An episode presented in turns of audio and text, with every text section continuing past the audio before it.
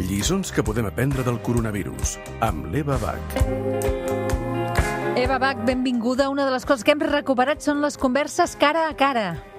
Sí, bon dia. Avui vull proposar recuperar al màxim possible el plaer d'aquestes converses cara a cara i deixar-nos de tants whatsapps, àudios interminables i, i missatges per xat. Per què? Doncs perquè les converses cara a cara tenen una sèrie d'avantatges importants respecte a la comunicació digital.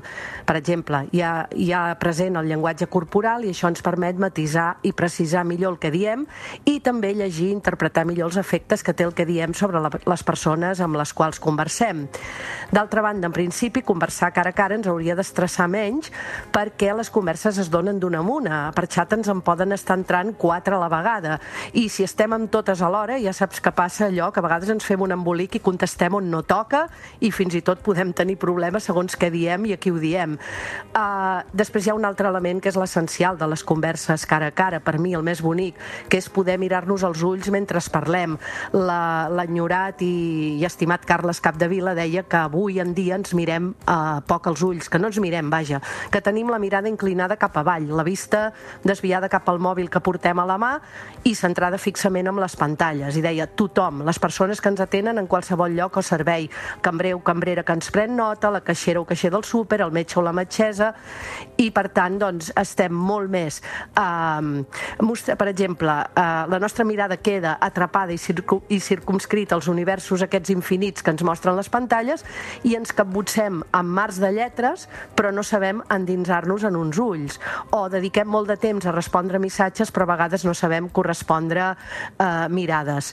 Perquè tot això no ens passi o perquè ens passi que puguem mirar-nos als ulls i gaudir d'aquestes converses i d'aquest contacte visual i cara a cara, faig alguns suggeriments per aquest estiu.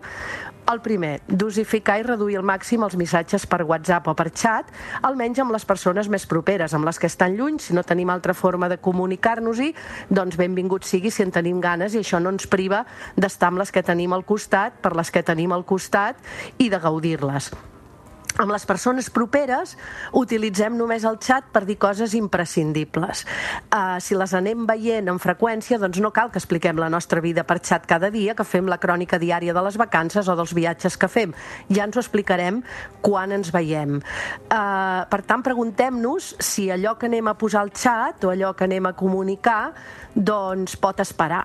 Si pot esperar a veure'ns, esperem perquè enriquirem aquesta comunicació cara a cara i si resulta que ens esperem parlem i després no ens en recordem, doncs segurament no devia ser tan important. I aquesta capacitat d'esperar també és un aprenentatge essencial eh, i sobretot en les criatures i, i adolescents.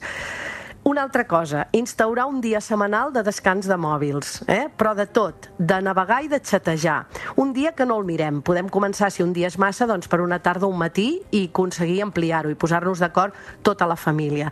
I una cosa que ens va funcionar molt a nosaltres fa poc, i és que en un dinar d'amics vam decidir que no hi hauria cap mòbil damunt la taula durant l'àpat, que els deixaríem tots guardats a les bosses o les butxaques i que no ens el miraríem fins al final del dinar. I va ser fantàstic. Vam sobreviure, Elisabet, vam ser capaços de fer-ho i no va passar res ni cap urgència mentre estàvem desconnectats. I finalment el que proposo doncs, és que el motiu principal per, per impulsar els nostres fills, filles, família, no mirar el mòbil, sigui per veure els seus ulls tan bonics, perquè no hi ha res a internet, a les pantalles, als mòbils que es pugui comparar a la mirada d'aquestes persones que, que estimem i, i que són els nostres sers doncs, de, del cor.